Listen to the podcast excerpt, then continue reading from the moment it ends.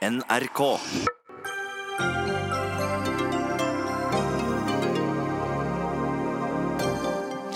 Ikke på ni år har togpassasjerene vært så misfornøyd som nå. Det hjalp visst ikke med nytt navn på Vy, og i alle fall ikke å ha den minst punktlige måneden på ni år heller. Frode Berg, som ifølge seg selv ikke er noen spion, langet ut mot norsk etterretningstjeneste på pressekonferanse i går. Hva om noe, sier nå forsvarsministeren. Kritikken fortsetter å hagle mot britenes prins Andrew etter TV-intervjuet der han for første gang svarte på beskyldningene om å ha ligget med et offer for sexhandel. Og regjeringens IT-minister advarer mot smarttelefon til barna, mener de godt kan vente med den slags til ungdomsskolen.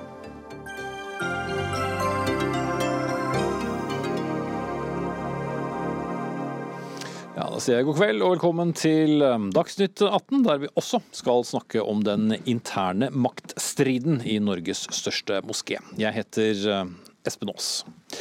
Det går visst ikke helt på skinner for det ganske nyomdøpte Vy. Du vet de som kjører tog.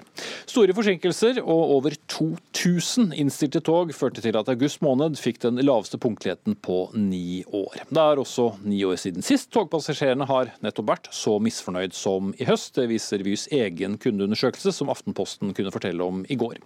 Tilfredsheten har gått ned på alle strekninger, men problemområdene er hovedsakelig på det sentrale Østlandet, det som heter intercitytriangelet med Oslo i midten og banene mot Halden, Skien og Lillehammer, der om lag 80 av alle togreiser i Norge foregår. Og konserndirektør Arne Fosen i Vy, hvorfor er passasjerene så misfornøyde nå? Nei, Fornøyelsen er først og fremst knyttet til om togene kommer og går i rute. og Derfor er det ingen stor overraskelse, dessverre, at etter en så tung sommer og, og tidlig høst, så får vi disse målingene. Mm. Er du selv fornøyd med eget tilbud til passasjerene? Nei, jeg er ikke fornøyd før togene holder rutetabellen i 90% av tilfellene. Og i høst så har vi vært helt nede på under 80 i august. Og da er verken vi eller noen av våre ansatte eller Bane NOR for den del, tilfreds med leveransen. Mm, vi skal komme til Bane NOR om, om, litt, men mener dere selv dere mener jo selv at dere kan holdes ansvarlig for 26% av forsinkelsene. Bane NOR skylden for 62. Hva, hva er det dere har gjort galt? Våre forsinkelser er først og fremst knytta til materiellfeil og til lange stasjonsopphold. Og Det siste er et stigende problem, rett og slett fordi flere bruker toget nå enn det noen gang har gjort før. De bruker rett og slett lengre tid på å komme seg av og på? Det tar litt lengre tid å tømme et stappfullt tog enn det det gjør, har gjort før. Og I oktober så fraktet vi flere passasjerer på en enkeltmåned enn vi noen gang har gjort før. Mm. Når du leser uh, sinnet som kommer fra en del passasjerer, bl.a. Uh, da beskrevet i, i nevnte Aftenposten-artikkel, uh, hva tenker du? Dette er til å kjenne seg igjen i. Og vi kjenner oss igjen fra litt ulike sider. Vi har alle vært passasjerer også, og vi har også erfaring fra å tjenestegjøre om bord. Og våre ansatte er de som står i frontlinjen for å ta imot disse tilbakemeldingene i hverdagen. Og Fortvilelsen deler vi gjennom hele linja. Mm. Bjørn Kristiansen, du er konserndirektør i Bane NOR. og For de som lurer på det, så er det dere som har ansvaret for infrastrukturen og da godt over halvparten av, av, forsinkelsene. Hvorfor er det så vanskelig å ha en infrastruktur som gjør at togene faktisk går? Ja, For det første så vil jeg si at jeg deler Arne Fosens fortvilelse over at vi ikke kan levere det produktet som vi ønsker å levere til de reisende. Mm, og de lurer bare på når dere kan levere det? Ja, det skjønner jeg veldig godt. Og litt av vår største utfordring er at vi den siste tiden har hatt en fantastisk vekst. Vi har i de siste årene økt produksjonen, altså togproduksjonen med nesten 20% rundt Oslo. Hver dag så går det 1000 tog gjennom Oslo. Det er altså en formidabel vekst som vi har hatt den siste tiden. Og det gjør at vi får økt slitasje på, på skinnene våre. Det resulterer i, dessverre, en del feil som vi gjerne skulle vært uten. Vi trenger fornyet uh, vedlikehold, en utvidet vedlikehold, og mer enn det vi gjør i dag på denne strekningen for å kunne gi et bedre tilbud. Mm. Men det er ikke noe man kan gjøre på kort sikt? Jo da, det er det, og det gjør vi. Vi investerer nå ca. 250 millioner kroner i året på en strekning mellom Lillestrøm og Drammen, som er den mest utsatte. Der er faktisk de aller, aller fleste togene og innstillingene er. Og eh, Vi tror at det kommer til å gi en, et resultat når vi jobber fremover. Men vi må ikke glemme at mye av det materiellet, eller mye av det vi nå bruker, eh, er gammelt. Vi har signalanlegg fra 50-tallet. Og vi har eh, veldig mye gammelt eh, materiell som vi bruker, eller skinneganger som vi bruker i dag. Som selvfølgelig er årsaken til at vi har punktlighetsproblemer. Mm. Eh, men dette har vi hørt om i veldig mange år, selv om dere kjører, eh, selv om dere kjører flere tog på skinnegangen, og selv om dere setter inn, eh, inn flere tog. Kan man si noen trøstende ord til alle disse sinte pendlerne om, om, når det vil bli bra? For det stenges hver eneste sommer, og det er stadig signalfeil, og det er stadig trøbbel med skinnene.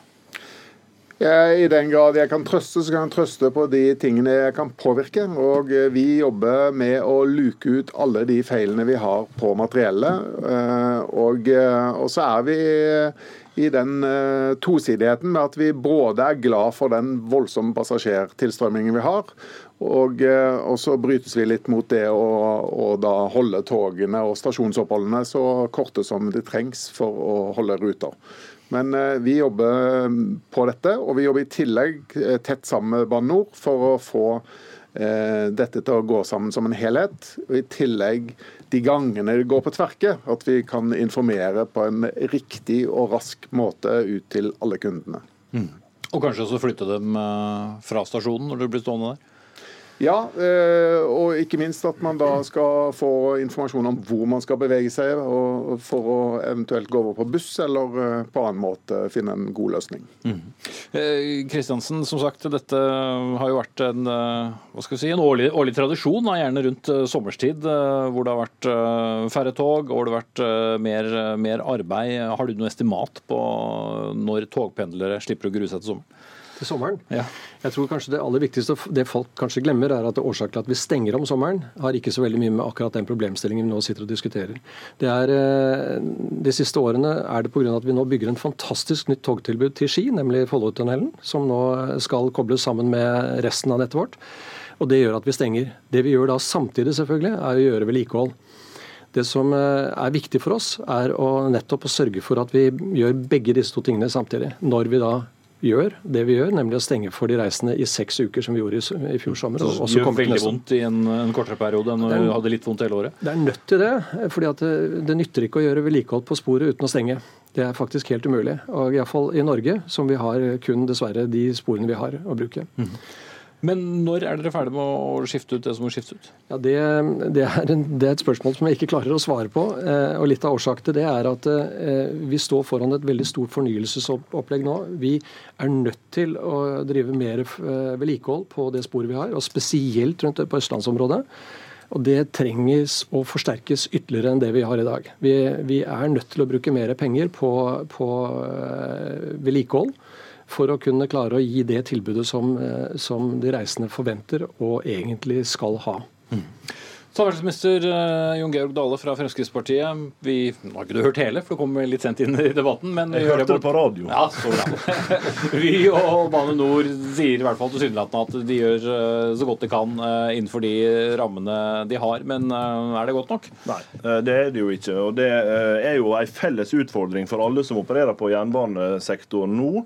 Det at vi er i en krevende fase. Punkt 1, vi skal skifte ut det gamle signalsystemet, som det er helt rett sagt, til våre siden 50-tallet. Store investeringer over mange år. Fordi at togene som vi bruker på jernbanen må bygges om også de for å tåle et nytt signalsystem. Det betyr at det, må, det tar tid for å vi får skifta ut alt. Det andre det er at vi har jo ikke investert i norsk jernbane sånn som vi har gjort nå siden vi bygde Nordlandsbanen i 1962. Det er fire tiår med gamle synder som må ryddes opp i.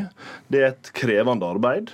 Men det som er alvorlig viktig for alle aktører i norsk jernbane, det er at når vi holder på med det, så må vi samtidig huske på at det er passasjerer i den andre enden som forventer at tilbudet fungerer. Og det kan skje feil. Det kan oppstå uhell på norsk jernbane. og det, Jeg forstår det. Men det vi må bli bedre på, er å gi passasjerene rett informasjon tidlig nok når det skjer. Gi dem en alternativ reisevei. Og Det betyr at hvis ikke toget går, så må der gå en buss. Så det at vi forstår at folk skal komme seg på jobb til tida, også når avvik skjer. Og Den, den håndteringa av det, det mener jeg både Vy og Bane NOR og flere aktører egentlig har forbedringspotensial på. Så må investeringene. Ja, så må, for, så må investeringene og vedlikeholdstakta opp på norsk jernbane også de neste åra. Det er grunnen til at investeringene økt på jernbane med 88 siden 2013. Og det er grunnlaget for at vi nå fortsetter å investere i dobbeltspor. Og grunnen til det er ganske enkelt at da er vi mindre sårbare når vi også skal gjøre arbeid på eksisterende linje. Og Det betyr at punktligheten kommer til å gå opp når vi får det på plass. Follobanetunnelen når den er ferdig til Hamar og til Tønsberg, som er de første prosjektene. Men foreløpig er altså tilbakemeldingen fra publikum at de er eh, ikke vært så misfornøyd på, på, på ni år. Eh, Sverre Myrli, du er stortingsrepresentant og gjerne jernbanepolitisk talsperson for eh, Arbeiderpartiet. Nå fikk du hele løsningen fra statsråden her, så da er det vel all grunn til å tro at det går bra? Jeg vet ikke om vi skal ta det som et signal at samferdselsministeren kommer for seint til en debatt der vi skal diskutere utfordringene på, på, på, på jernbanen. Men uansett hvordan vi snur og vender på dette, så er det jo han som sitter med ansvaret. Og jeg tror de reisende i Oslo-området som eh, jeg tror vi skal ta dette veldig alvorlig. Jeg er veldig oppgitt. Jeg får ofte, nesten daglig, henvendelser fra frustrerte togpendlere som først var veldig oppgitt over den situasjonen som var i sommer, med buss for tog, og som ikke fungerte helt. Og så endelig så de fram til at nå skulle det bli orden og kunne kjøre tog igjen. Og så har det vært en høst med veldig, veldig store problemer. Og uansett nå hvor mange selskaper og enheter det er på jernbanen, så er det samferdselsministeren som sitter med det overordna ansvar. Det er hans ansvar som, som som, eh, som og ordne opp så folk mm. kommer seg på jobb og men det, kommer, men det seg, greit, kommer, seg, kommer seg, hjem. Hva syns du da skal gjøres man ikke gjør? da? Ja, For det første så må det bevilges mer penger til jernbane. Bygge ny dobbeltspor i jernbane. Og så må vi vedlikeholde den jernbanen som vi har, bedre. Og så må det kjøpes inn mer tog. For det er jo riktig som disse herrene fra jernbanen her sier, det er jo flere og flere som kjører toget, og flere og flere som ønsker å kjøre tog. Så, så vi har egentlig et problem som forsterker seg, fordi at det blir mer jernbanetrafikk. Flere ønsker å kjøre med toget. Så det er store utfordringer som vi står overfor. Men høyere investeringer, mer til vedlikehold og flere tog, det er løsningen. Men det er kanskje ikke noe quick fix? Snur seg ikke med en gang, uansett Nei, og, hva vi putter penger Det er jo dilemmaet. Men Sverre Myrli har jo rett i det. Vi må kjøpe mer tog. Det skal vi gjøre de neste åra. Vi må investere mer. Det er vi i gang med. Vi setter i gang nye store milliardinvesteringer allerede i 2020-budsjettet, som gjør at vi kommer til å få nye dobbeltspor både til Hamar og til Tønsberg i henholdsvis 2026 og 2025. Og vi må bedre vedlikeholdet. Men vi må også bli bedre i sektoren på å følge, ha gode nok rutiner til å håndtere feil og mangler når det oppstår. Det er ikke noe nytt at jernbanen har utfordringer når vi har fire tiår med etterslep bak oss.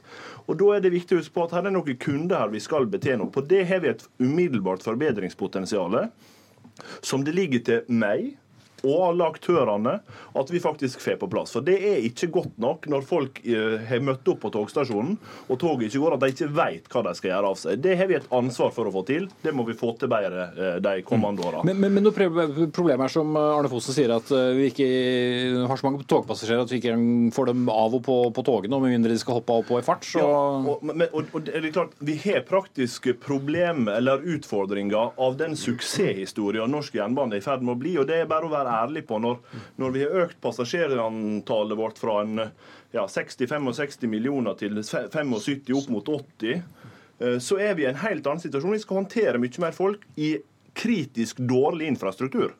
Mm. Og det er det Vi må klare nå. Vi må klare å håndtere den situasjonen mens vi investerer massivt i norsk jernbane. Og norsk jernbane er på vei inn i en stor ny investeringsbølge som handler om at vi ikke bare løfter investeringene med noen kroner her og der. Det er massivt taktskifte i investeringene.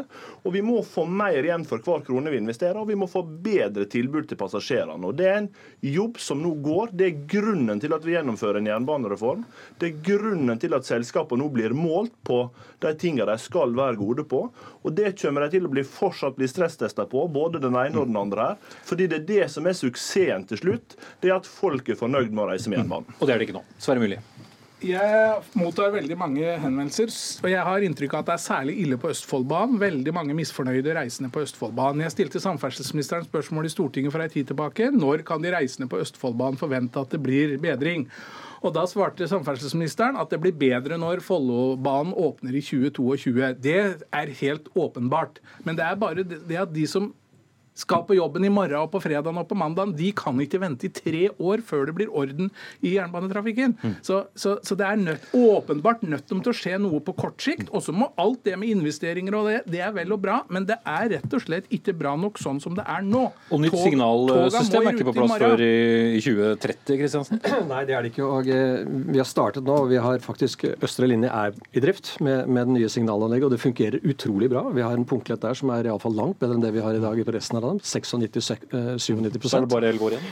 Så har vi i 22 så åpner vi Nordlandsbanen, Bergensbanen, eh, Gjøvikbanen. og Så ruller vi fortsatt nedover. Og vi er nødt til å ta Oslo til sist, fordi, eller iallfall på slutten, fordi at det er så komplisert. Mm. Men da men, sier du også at men, uh, det er ingen grunn til å tro at det blir så bra? Nei, men det, jo, det kommer til å bli bra. fordi at vi, akkurat som, som ble sagt, er at vi kommer til å flere, få de, flere dobbeltspor. Problemet er, Det største problemet vi har nå, er at vi er nødt til å intensivere vedlikeholdet vårt.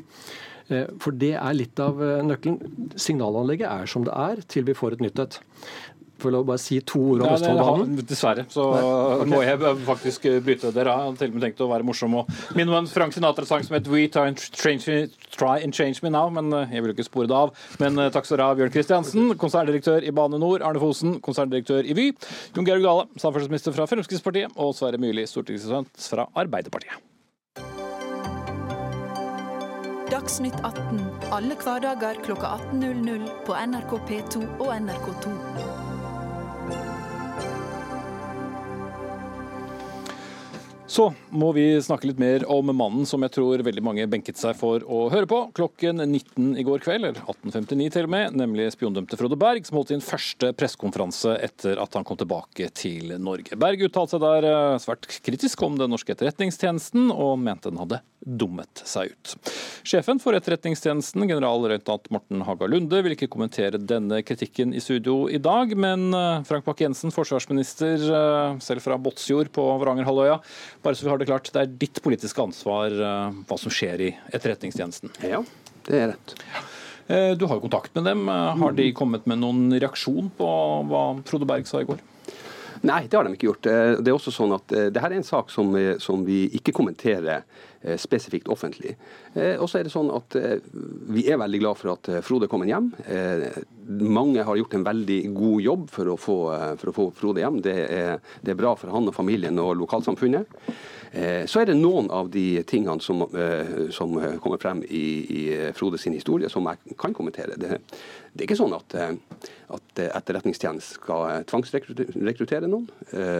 Etterretningstjenesten er regulert av en egen lov. De er regulert av de, de oppdragsbrevene de får fra, fra oss.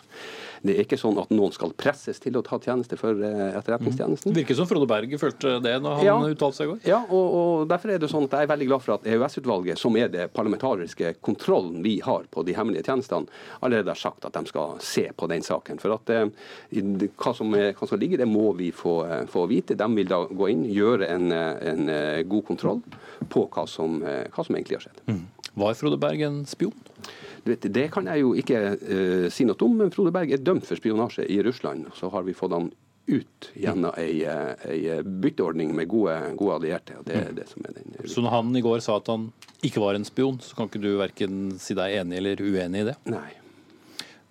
Utover at du da har ansvaret for de som eventuelt eh, presset ham til å gjøre det, som han sa. Ja, så er en del av det konstitusjonelle Norge som, som eh, også er så heldig at vi, vi har et storting som har laga et uh, uavhengig kontrollorgan, nettopp for at vi som innbyggere skal kunne ha tillit til uh, myndighetene og de hemmelige tjenestene. Hemmelige tjenester som vi er helt avhengig av å ha, rett og slett for oss å uh, skape sikkerhet for, for Norge. Vil du si at Etterretningstjenesten har eh, fått seg et lite skudd på troverdighetsbaugen, hvis jeg kan si det så flåste, eh, etter gårsdagen? Nei, det vil jeg ikke si. Eh, etterretningstjenesten gjør en, en, veldig god jobb, og de gjør en veldig viktig jobb. Derfor er jeg ikke villig til å gi dem noen karakterer på det her. Men det jeg kan si, det er at vi ved å få løfta frem EOS-utvalget, den rollen de har, måten de er satt sammen på, deres uavhengige eh, måte å ta denne type saker på, det viser at vi i et, eh, i et eh, demokratisk Norge også har tatt individet sine rettigheter på, eh, på, alvor. og Derfor er jeg glad for at det blir eh, gjort en kontroll også på denne saken. Mm. Jeg gjorde et poeng ut av hvor du er fra innledningsvis. og Det var ikke bare fordi folk måtte eventuelt lure på dialekten din, men det er jo et område hvor denne folk-til-folk-samarbeidet mellom i hvert fall Sør-Varanger og, og Murmansk har mm. pågått i, i, alle år. Jeg vet at du også er opptatt av det, men når det gis et inntrykk av at man rekrutterer fra eh, miljøet som tilhører folk-til-folk-samarbeidet. Du frykter ikke at eh, det kan gjøre dette samarbeidet mindre godt? Nei, eh, jeg gjør faktisk, jeg gjør faktisk ikke det. Rett og slett for at det er et, det er et stort, bredt arbeid som har pågått i veldig veldig, veldig mange år. Det er et stort, bredt arbeid som, som også pågår nå, og som vi ikke ser er mindre Eh, dedikert eller intenst nå, selv om vi har en, en del andre forviklinger med, med, naboen i øst. Sånn at det, akkurat det er ikke jeg veldig, veldig redd for. Som sagt så, så, så lever vi i, i et grenseområde der oppe. Grensa mellom Norge, Russland, Finland. Vi er det er de fire stammers møte, heter det. sånn at det er, en, det er et, et, et skikkelig konglomerat. Eh, også der oppe, husk på at mange av de, de hendelsene som ble avdekka under Lund-kommisjonen, eh, skjedde jo der. De overgrepene mot mm. nordmenn skjedde der. Vi fikk altså eh, gjort noe på 90-tallet, sånn at vi har et kontrollutvalg vi kan eh, stole på. Det skal også nordmenn okay. i Øst-Finnmark kunne stole på. Audun Lysbakken, leder av SV. I går sa du at du var sterkt bekymret og etterlyste en debatt om etterretningstjenesten og hvordan den da opptrer nettopp i dette grensesamfunnet. Nå har du hørt eh, litt av det forsvarsministeren sier. Er du stadig bekymret? Ja, altså jeg synes eh, Det forsvarsministeren sier er, er ryddig og bra, fordi han sier noe tydelig om eh, hva slags regler som gjelder, og hva slags prosess vi nå må ha. Og jeg ble jo urolig over de tingene Eh, vi i går hørte fra Frode Berg, særlig knyttet til det med påstander om eh, press, eh, og at han ikke hadde fått ærlig informasjon. Og Det er jo nettopp det vi da må til bunns i. Og så er det heldigvis sånn at vi har et organ som skal hjelpe oss med det. Det er EOS-utvalget, det er Stortinget sitt eget organ. Så vi skal jo ikke konkludere i denne saken før de har gjort sine undersøkelser. De kan også høre alle sider. Eh, men eh, det er jo sider ved dette som det selvfølgelig er naturlig at vi sitter og diskuterer, sånn som vi gjør, eh, gjør nå.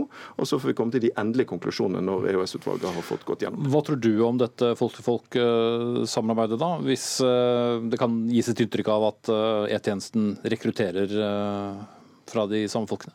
Nei, jeg ser Det har kommet uh, sterke meldinger fra ordføreren i Sør-Varanger. Uh, det er en kronikk ute på nrk.no nå fra daglig leder i Barentssekretariatet. Det er jo den typen signaler jeg mener det også er viktig at regjeringen og, og vi på Stortinget tar til oss. For det er klart at det, det der er en diskusjon, uh, og jeg vil jo mene at det er viktig uavhengig av denne saken, egentlig, at forsvarsministeren og regjeringen er tydelige i sine signaler også eh, på eh, hvordan en skal behandle den balansen som det er i nord, mellom to legitime hensyn. Altså, Norge har et legitimt behov for og, og rett til å drive etterretning, men folk-til-folk-samarbeid er også mm. veldig viktig for Norge. og Derfor må jo de påstandene som kommer om at eh, E-tjenesten har på en måte drevet det på en måte som står i veien for folk-til-folk-samarbeidet, det må vi ta på alvor og også se på.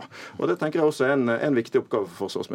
Ja, for Bakke-Jensen, etterretning må vi stadig drive med? Ja, det må vi stadig gjøre. Og så er det også sånn at Hvis noen føler at eh, eller opplever overgrep fra eh, etterretningstjeneste, så er EOS-utvalget altså Enhver person kan klage til EØS-utvalget. Enhver organisasjon eller for den saks skyld enhver ordfører i en kommune kan, kan sende en klage til EØS-utvalget, og så ettergår de de hendelsene som det blir rapportert om, rett og slett for at vi skal ha tillit til de hemmelige tjenestene våre, og for at det skal ikke være sånn at noen presses til noe aktivitet man ikke vil være med på. Mm. Og Det er fortsatt det største spørsmålet du sitter igjen med etter gårsdagen, eh, Lysbakken. Hva slags press det har eh, vært utøvd overfor uh, hovedpersonen?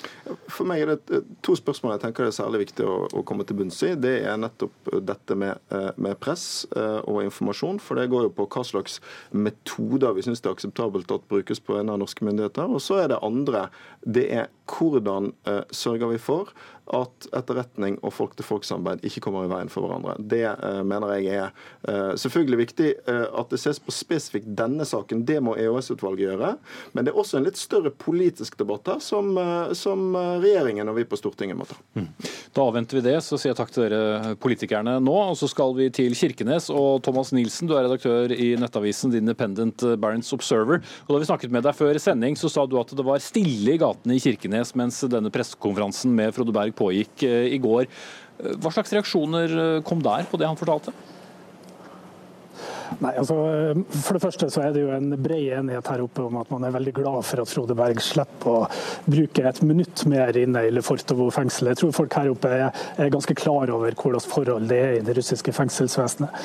Eh, man fikk veldig mange svar i går. Eh, Frode Berg var en åpen, ærlig person som eh, fortalte mye. Det var egentlig overraskende mye han, han fortalte, men samtidig så dukka det opp et par andre spørsmål ut ifra det han sa. og Det gjelder jo særlig den formuleringa han brukte på å si at FSB, eh, Russland, har god kontroll over eh, Kirkenes-samfunnet, over det som skjer her. Og det er klart, For alle de som jobber med eh, grensekryssende samarbeid, som i flere tiår nå har jobba på næringsliv, på folk til folk, frivillige organisasjoner, vi i journalistikken, å få høre at, at en russisk etterretningstjeneste har så kontroll på den virksomheten og det vanlige folk holder på med her i Kirkenes, på norsk jord, det eh, var det nok mange som beit seg merke i og eh, har mange oppfølgingsspørsmål på. Og Da blir jo spørsmålet også hvor mye vet eh, altså ikke Etterretningstjenesten, men PST f.eks., som er ansvarlig for kontraetterretninga i Norge. Hvor mye vet de om egentlig det som har skjedd, og som Frode Berg da sier at russisk etterretning har oversikt over her i Kirkenes? Mm. Anders Romarheim, førsteamanuensis og leder for Senter for internasjonal sikkerhet ved Institutt for forsvarsstudier, ISF. Da vi snakket med deg for sending, så kalte du det hele for en spionskandale. Ja, det er det. Eh, men jeg er veldig enig i det Thomas Nilsen nettopp sa. Eh, det første og viktigste her er jo den menneskelige dimensjonen. Og jeg tror jeg og mange, eh, både i Kirkenes og i Oslo, var imponert over måten han sto i brasene på i går, Berg. Og så er jeg også helt enig i at den, det mest oppsiktsvekkende her er jo det inntrykket vi får av at russerne har veldig god kontroll. Veldig godt informert. Ja, veldig godt informert. For det er mange nå som er veldig bekymra for hva norsk etterretning gjør i Finnmark, men det er jo et mye større problem hva russisk etterretning gjør i Finnmark, tross alt. Mm. Og så fremsto det vel likevel noe uklart da Frode Berg fortalte i går om dette han ble bedt om å gjøre over lengre tid, og at han ikke ønsket uh, å gjøre det mer. Og så, og så ble han presset. Hvordan leste du den fortellingen, som han var litt uh, vag på, og hvor han fikk flere spørsmål fra journalister på om han hadde vært i overkant naiv? Ja, eh, eh, Frode Berg sa ganske åpent at han kunne leve med å bli stempla litt som naiv. Og det er klart, etter to år i, med den typen eh, ned mot umenneskelig behandling han har hatt, så vil det at noen kaller deg være naiv, eh, for naiv en bagatell. Men det syns jeg også var litt sånn selvreflektert. Eh, han, eh, han, han, sto sånn sett godt i brasene, det må jeg si, altså. Mm. Ja, Thomas Nilsen, stadig med oss fra Kirkenes. Hvordan leste du nettopp den fortellingen om den formen for rekruttering, eller indirekte rekruttering snarere, som, som Frode Berge ble utsatt for? Ja, der, der, må vi jo eh, vente litt til vi får enda mer eh, gode svar. Han svarte godt for seg eh, på det i går. Her fra Kirkenes-samfunnet, jeg kjenner samfunnet godt og jobber her som journalist lenge. Jeg har også jobba i veldig mange år med folk-til-folk-samarbeidet i Barentssekretariatet. Så, så, er det viktig å understreke at det her er ikke noe som annethvert menneske på gata utsettes for. Altså, jeg har aldri tidligere hørt om at etterretningstjenestene, militære, har vært på folk som har drevet med grensekryssende samarbeidet, som har reist til Russland og bedt dem om enten å bringe inn penger eller rapportere på, på annet vis. Så, men, men, nå ser vi hva Frode Berg sier. Han uh, sier at han har vært uh, kanskje naiv i denne situasjonen. og Det uh, skal man selvfølgelig stille litt spørsmålstegn med, all den tid han har levert reiseregninger for de turene som han er. Men jeg tror ikke denne saken er veldig omfattende. Et annet viktig spørsmål som jo dukker opp og som er ubesvart enda, det er hvem var det egentlig som initierte den her? Og Der var nok ikke Frode Berg med i startfasen. Var det her en setup-operasjon fra FSB helt fra starten av? Eller var det et reelt forsøk på å verve en, en russisk spion som i begynnelsen var med på det? Og det her er jo de tingene som vi håper at EOS-utvalget på Stortinget virkelig kan grave, grave ned i, sånn at, sånn at, det går an å komme seg videre med tillit til alle som jobber på kryss av grensene, inkludert da, det som er av folk-til-folk-samarbeid her, og de ulike tjenestene i de ulike land. Mm. Og Som dere begge har vært inne på, så fikk vi et visst innblikk i hva, hvor mye den russiske etterretningen har, har koll på oss. Men hva står igjen for norsk etterretning her da, Romarheim? Det er jo en svart dag for, for norsk etterretningstjenesten den, den dagen han blei blei tatt til fange. Eh, det er det ingen tvil om. Så forsikra jo nå statsråden her at eh, tvangsrekruttering skal ikke forekomme. Da tror jeg man gjerne skal legge til eh, av nordmenn. For å aktivere kilder i utlandet, så tror jeg nok den norske etterretningstjenesten må, må gå litt, ture litt fram det nå. Det er en etterretningstjeneste, det er ikke en utenrikstjeneste som skal holde relasjonene gode. Så det, det med tvangsrekruttering tror jeg er veldig viktig at vi nå får en debatt prat om, som eh, både Lysbakken og Bakke-Jensen var inne på. Mm. Takk skal dere ha begge to. Anders Romarheim, førsteamanuensis og leder for Senter for internasjonal sikkerhet ved Institutt for forsvarsstudier, og Thomas Nilsen, redaktør for The Independent Barents Observer i Kirkenes.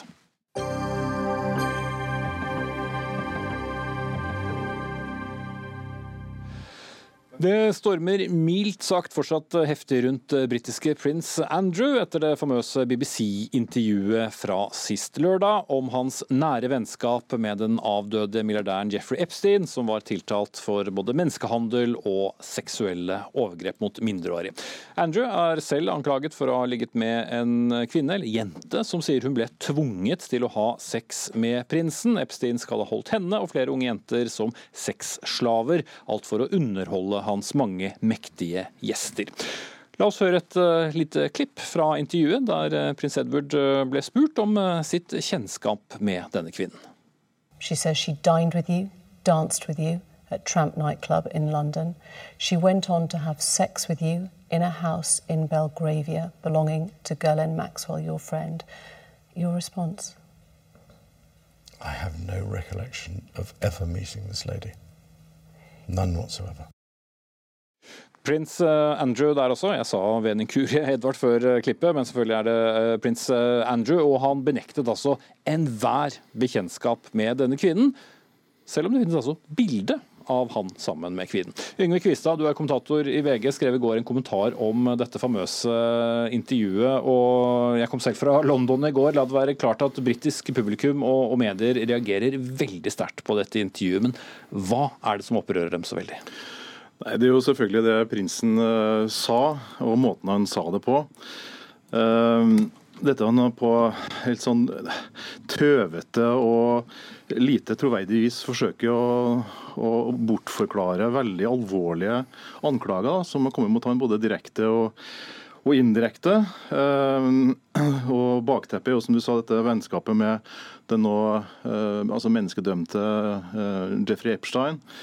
Eh, så eh, han, han, han, fremstår ikke troverdig i, i det. Og så har du jo også det han ikke sier. Altså han, han, I løpet av det 50 minutter lange minuttet så er det jo ikke et eneste øyeblikk hvor man eh, ytrer noen form for medfølelse eller sympati for disse ofrene for denne menneskehandelen som da angivelig skal ha foregått. Og det er klart at Summen av dette her, det opprører briter. Mm.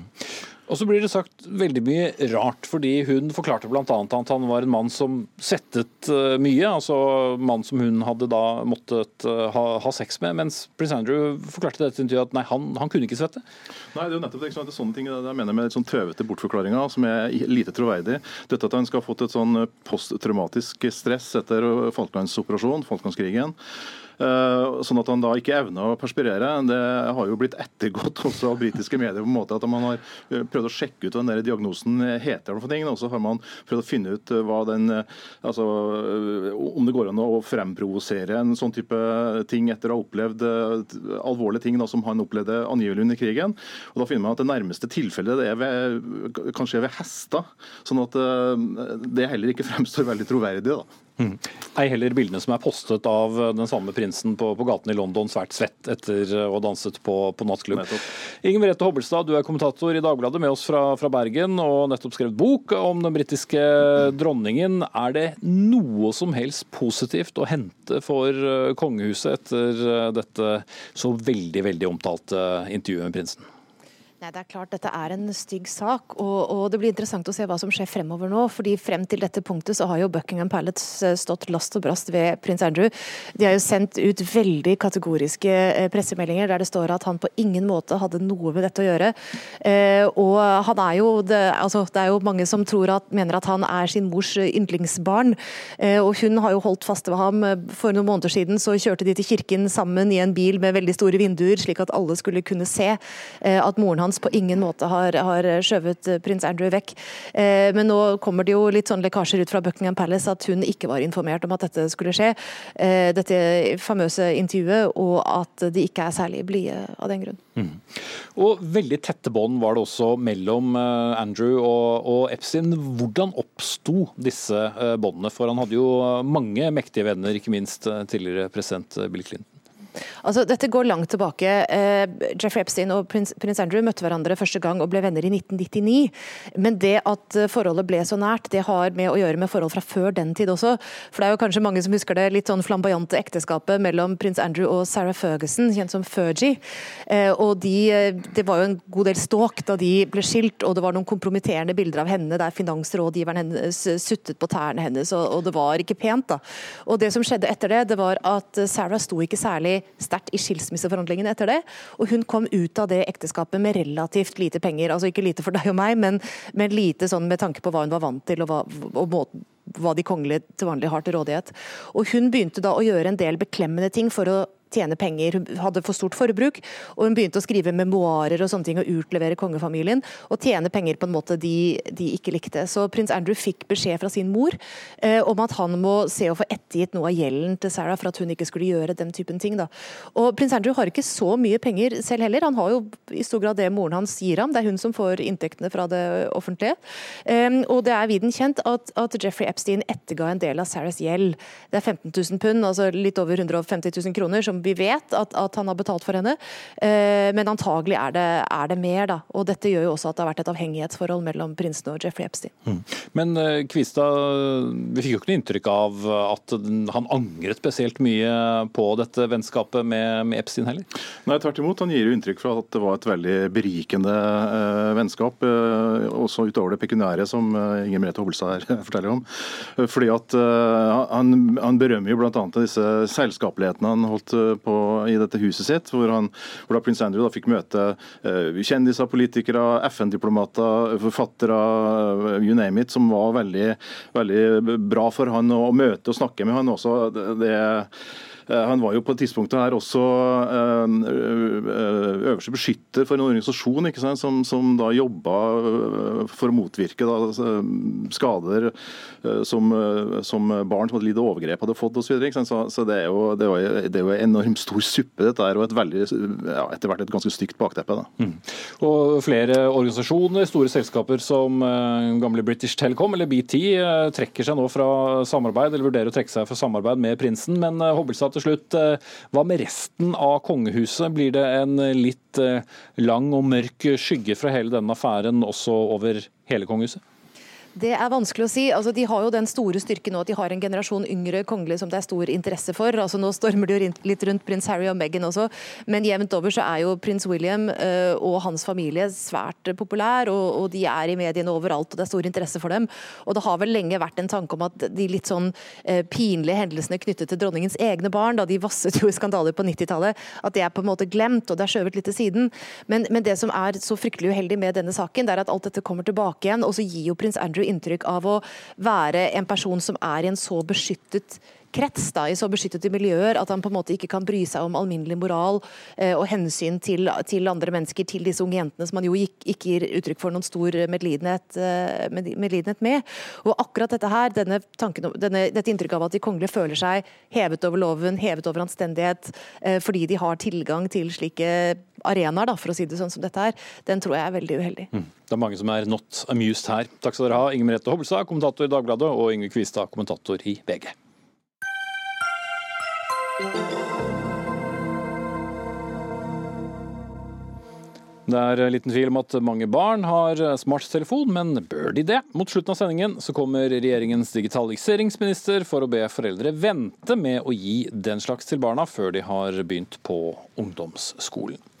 Nå skal vi derimot snakke om statsstøtten til eh, Norges største moské, Tafik-moskeen, som ligger på Grønland i Oslo. Der er statsstøtten stanset pga. interne stridigheter. Det er eh, like så godt to styrer som nå hevder å representere moskeen, kunne fylkesmannen i Oslo og Akershus fortelle til NRK. Denne moskeen har over 7000 1000 medlemmer, og de får støtte på om lag 1000 kroner per medlem. Og Kadra Josef, du er journalist og har jobbet med denne saken for eh, NRK.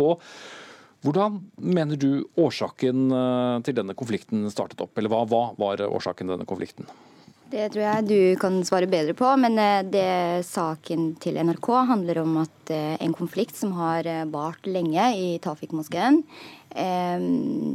først stoppet seg i sommer da Fylkesmannen stoppet eh, eh, støtte.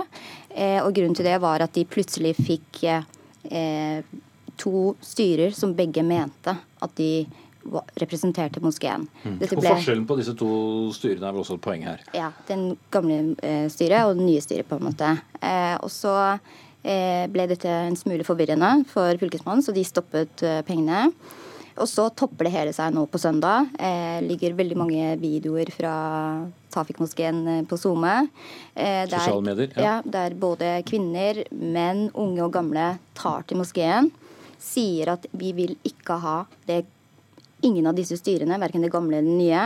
Vi vil ha et nytt styre, eh, og vi er interessert i eh, et styre der både kvinner og ungdommer er med. Mm. I motsetning til i dag? I motsetning til i dag, eh, Tafik-moskeen, så lenge den har eksistert, har faktisk aldri hatt en eh, kvinne i styret. Mm. Men hva er forskjellen på disse to styrene som begge hevder eh, å skulle lede den moskeen? da? For de som eh, var i moskeen på søndag, de mener jo at det ikke er noen forskjell. At er, de er veldig like, eh, og at de ikke slipper til eh, yngre mennesker, f.eks. Mm.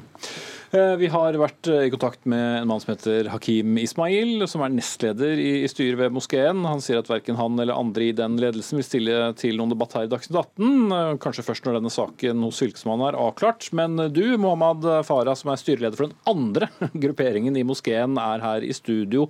Og kanskje du kan gjøre oss litt klokere for hvordan dere endte opp med to styrer?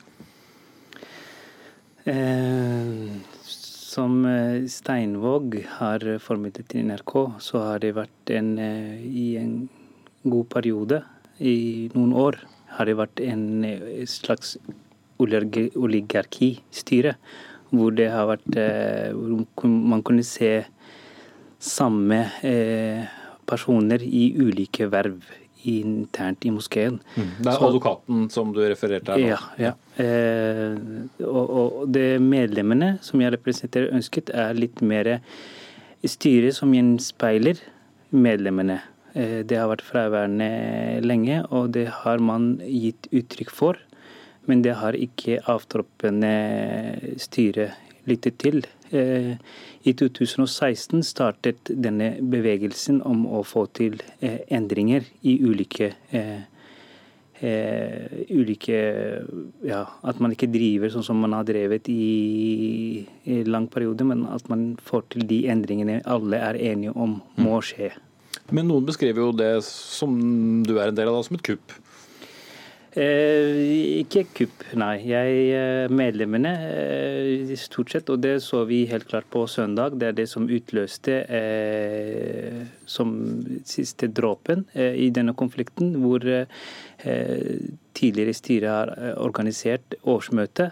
Russistisk, kan du si, hvor det var bare ett valg. Man kunne bare velge om, og det var det styret som Fiskeri- og næringsdepartementet har gitt klart og tydelig nei. At man ikke kan registrere de så lenge konflikten vedvarer. Mm. og For å prøve å gjøre oss litt klokere, hva er annerledes med det du og ditt styre representerer, sammenlignet med det styret som dere mener ikke skal få drive moskeen videre? Eh, når jeg sier at moskeen, det er på tide at moskeen gjenspeiler medlemmene, og da snakker jeg om at det er mer, altså i, eh, mer eh, med, Få til eh, mer kompetanse. Mer at de som sitter i styret, skal At man stilles mer krav til de som sitter i styret. Eh, om det er eh, menn og kvinner. altså spiller ingen rolle. Men det er, et, det er klart og tydelig krav fra medlemmene at de som sitter i styret, eh, skal i hvert fall oppfylle. Så de skal representere medlemmene i moskeen på en annen måte enn i dag? Er det ja. slik å forstå? Ja. Uba Aden, du er bystyrerepresentant i Oslo for Arbeiderpartiet, også medlem av denne moskeen. Hvordan har du opplevd konflikten? Du er med oss på linje. Eh, det, det eh, Katra og Mohammed eh, sier, det stemmer. stemmer. Eh, konflikten har vært lenge, men den bunner i eh, dårlig eh, administrasjon, dårlig økonomisk styring, tillitsproblem siden oppstarten av eh, moskeen fra 90-tallet. Da var det veldig få somaliere i Norge, og den gangen så var klankonflikten som fikk oss til eh, flyktninger, veldig, veldig brennende. Og de mennene som la moskeen mente for å ivareta en alles, alle klans interesse, så er det lurt at det nye styret som skal dannes, skal være klanbasert. Så de valgte en modell som eh, heter 4,5. Alle klan skal være representert. Men den modellen de har valgt den gangen, skulle være foreløpig. Men dessverre, denne modellen er det som vedvarer til dagenes i dag. Og kvinnene har jo alltid vært fraværende. Kvinnene er veldig mye involvert. Uten kvinnene ville ikke den moskeen er bygd opp de, er, eh, de driver den hoved, hovedarbeidet i moskeen når det gjelder rydding, vasking, innsamlingsaksjon, og passing. Alt arbeidet som gjøres, det er kvinnene som driver. Mm. Og jeg antok hele veien, selv om jeg var medlem i moskeen siden jeg kom til Norge, så var jeg veldig lite orientert innad det som foregår. Men når jeg har sett kvinnenes arbeid i moskeen, så antok jeg automatisk at kvinner var en del av eh, systemet i moskeen. Men det viste seg fra i fjor at kvinnenes arbeid faktisk De kaller, de kaller dem en kvinnegruppe. De er ikke med noen styre i det hele tatt. Det brukes når de trenges, og de gjør det tunge arbeidet. Mm. Men hva, har jeg... Vi kan bare avbryte deg, beklager. Men eh, hva har du, eh, du er jo politiker, har du og andre forsøkt å påvirke ja. uh, dette på noen måte? Der jeg kommer til. Det jeg gjorde i fjor, var at jeg har tatt kontakt med moskeen, sendt brev hvor jeg, og I fjor var det det nye utvalget, eller nye styret, som skulle velges. Og det brevet som jeg sendte til moskeen, skrev jeg tre punkter som jeg etterlyste at det må tas til betraktning når neste nye styre skal velges. Og Det ene var at vi må gå fra klanutvelgelsessystemet og gå over til et en styringssystem som er basert på ferdigheter. At vi menneskene som skal sitte i styret, skal være folk som kan språket, folk som er orientert i det nye levemåten vi er i. Og Dermed eh, stilte jeg også krav som var at kvinnene skal være representert i. Mm. Det brevet har jeg lagt ut på min blogg. Når jeg sendte det brevet dagen etter, har de innkalt meg til møte. Og vi var to stykker, to damer. De ville ikke ha den andre damen, så de hadde møte med meg. Seks av mennene, eller fem av mennene grillet meg to timer for å spørre meg ting som er unødvendig. Okay, jeg kan ikke gå inn i alle detaljene her, Farah. Men de de ga Nei, eh, inntrykk at kvinnene men den gang så ga de inntrykk at kvinnene er velkomne hvis de vil stille seg til valg.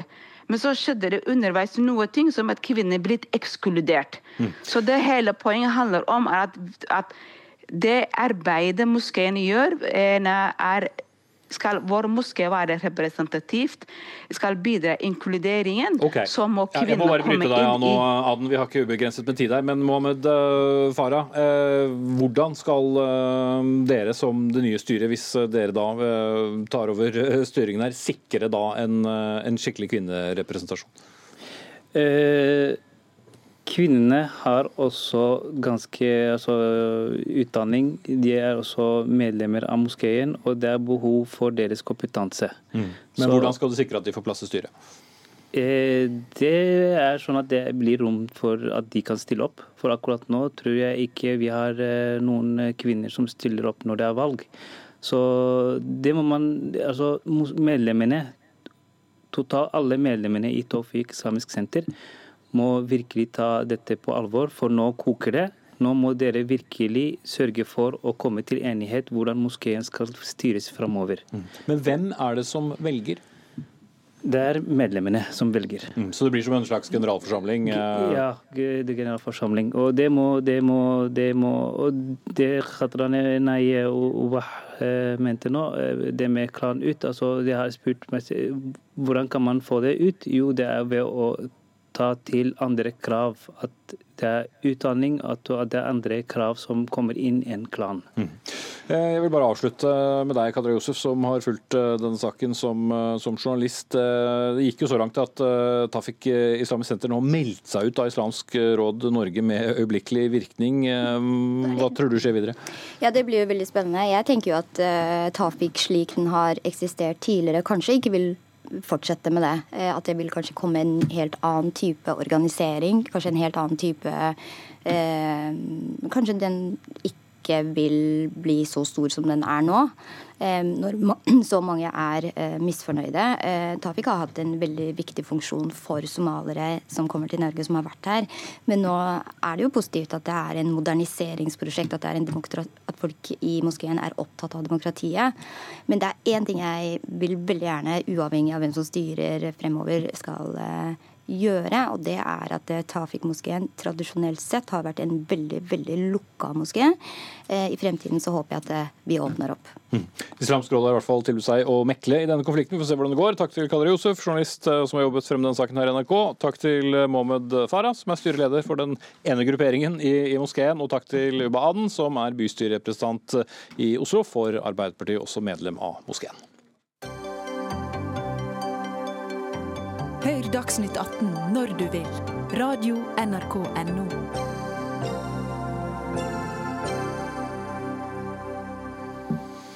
Vent med smarttelefonen til unga begynner på ungdomsskolen. Ja, Den oppfordringen kommer kanskje tilsynelatende fra noe uventet hold, nemlig fra regjeringens digitaliseringsminister Nikolai Astrup fra Høyre. I et intervju med avisen Klassekampen denne uken uttrykker statsråden bekymring for at denne typen telefon erstatter lek og sosialisering med andre barn. Og mm, Astrup, eh, konkret, hva kan konsekvensen bli av det? Vel, jeg tenker jo at For det første så er det viktig å understreke at uh, jeg er positiv til digitale læremidler og tror det kan uh, ha stor betydning for elevenes Mm, læringsutbytte. det er jo hendig i din jobb. Og, jeg, nettopp. Og jeg tror også spill også kan være både sosialt og, uh, og morsomt, og ikke minst også lærerikt for, for barn. Men når det er sagt, så er det klart at smarttelefonen åpner en verden inn til noe som kanskje mange, særlig de aller minste barna, ikke har digital dømmekraft nok til å håndtere fullt ut. Og Vi ser jo at det er en del skyggesider. Vi vet at det er mye eh, avhengighet knyttet til en god del typer spill. Eh, og vi vet at eh, etter hvert også at eh, det har noen andre konsekvenser knyttet til f.eks. netthets, mobbing. Eh, halvparten av barn og unge sier at de har opplevd ufri- ufrivillig bildedeling. Eh, og Jeg hørte akkurat et eksempel fra 9. klasse der eh, elevene ikke ønsker å dusje etter eh, gymtimene fordi de er redd for å bli tatt bilder av. Jeg hørte om en 5. klasse som guttene hadde på trinnet hadde tatt på seg å dele på sosiale medier. En rangering av jentene på trinnets utseende også, og kroppsdeler. Og de er, dette er jo eksempler fra ungdomsskolen, og der mener ja, du vel også at de kan ha Dette er også 11-åringene også, men poenget mitt er egentlig at dette åpner en, en verden som jeg tror i hvert fall det er viktig at vi har et reflektert forhold til. Og så må hver familie finne ut av hvordan man skal håndtere dette. Og det er også et perspektiv knyttet til at når noen får seg smarttelefon veldig tidlig, så skaper det et Eh, et press på de andre foreldrene om å følge opp. Mm. Uh, og, og, kanskje ikke alle er helt klare for å håndtere den tilgjengeligheten som dette gir 24-7. Mm. Uh, ja. Guri Melby, du er stortingsrepresentant fra Venstre og medlem av utdannings- og forskningskomiteen på Stortinget. Hvor tidlig bør barn ha smarttelefon?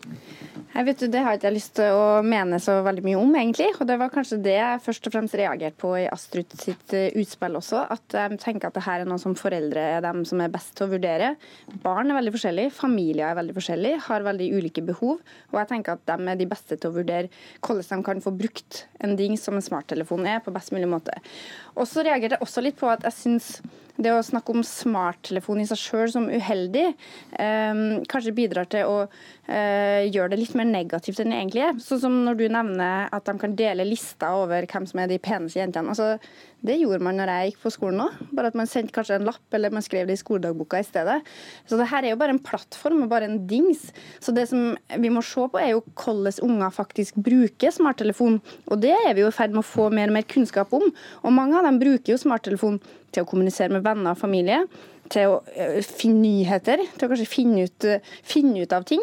Eh, og så er selvsagt spill og sånn en del av det, men det å si at smarttelefonen i seg sjøl er farlig, omtrent, og at det at man skal holde unger unna det fram til de er 13 år, eh, det mener jeg at eh, digitaliseringsministeren ikke har belegg for. Mm. Han brukte ikke akkurat det ordet, tror jeg, men Det er veldig mye altså... bra med smarttelefoner, både for voksne og barn i og for seg. men og som sagt, familier får finne ut av hvordan de skal organisere dette. Men jeg tror det er viktig at vi har en debatt også om uh, hvilke, hvilken, hva den type tilgjengelighet kan uh, bidra til. Uh, også på den negative siden. Ja, du antydet særlig... ungdomsskolealder da, i intervju med, ja. med, Klassekampen, men de har jo da stiftet bekjentskap med dette internett og nettbrett og alt mulig allerede fra 6-7 års alder. Så gjør det noen forskjell? Ja, det er lenge før det. Altså, jeg er overhodet ikke bekymret for at norske barn ikke får nok skjermtid, for å si det på den måten. Det starter jo lenge før skolealder. Spørsmålet her er om du skal ha en smarttelefon tilgjengelig, som er din egen, 24-7, eh, med den tilgjengeligheten til internett og alt det som det medfører.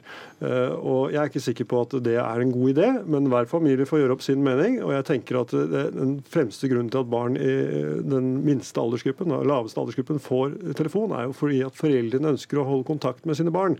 Men det behovet kan fylles med eh, gammeldagse, ordinære telefoner som koster noen hundrelapper, istedenfor at de minste barna på 6-7-8 år skal gå rundt med smarttelefoner som koster tusenvis av kroner. Det tenker jeg også er uheldig. Melby.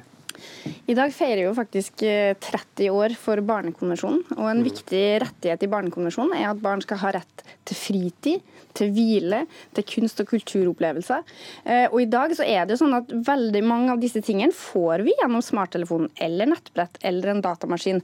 Eh, og Det er jo egentlig også et veldig stort gode at vi ikke alltid trenger å oppsøke disse tingene fysisk lenger. Det betyr at du trenger ikke å bo i nærheten av en kino for å se de nyeste filmene.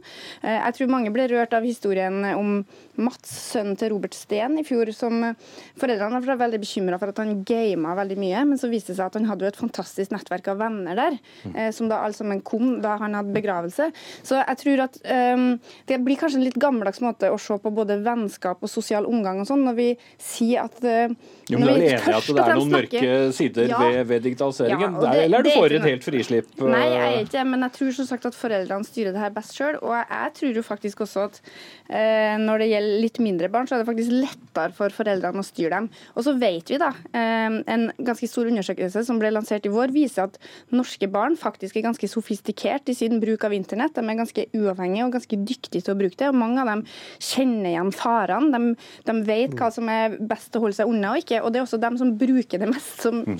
kan og behersker det aller best. Så, så det, vi skal definitivt erkjenne de negative sidene, men vi må ikke svartmale teknologien, for den er også veldig positiv. Ja, du er jo for individuell frihet eh, mm, som Høyremann du er, eh, Astrup, men likevel en litt advarende pekefinger? Ja, og det er fordi dette temaet det engasjerer enormt mange. Og det er utrolig mange foreldre som uh, kjenner på det presset som de får fra egne barn.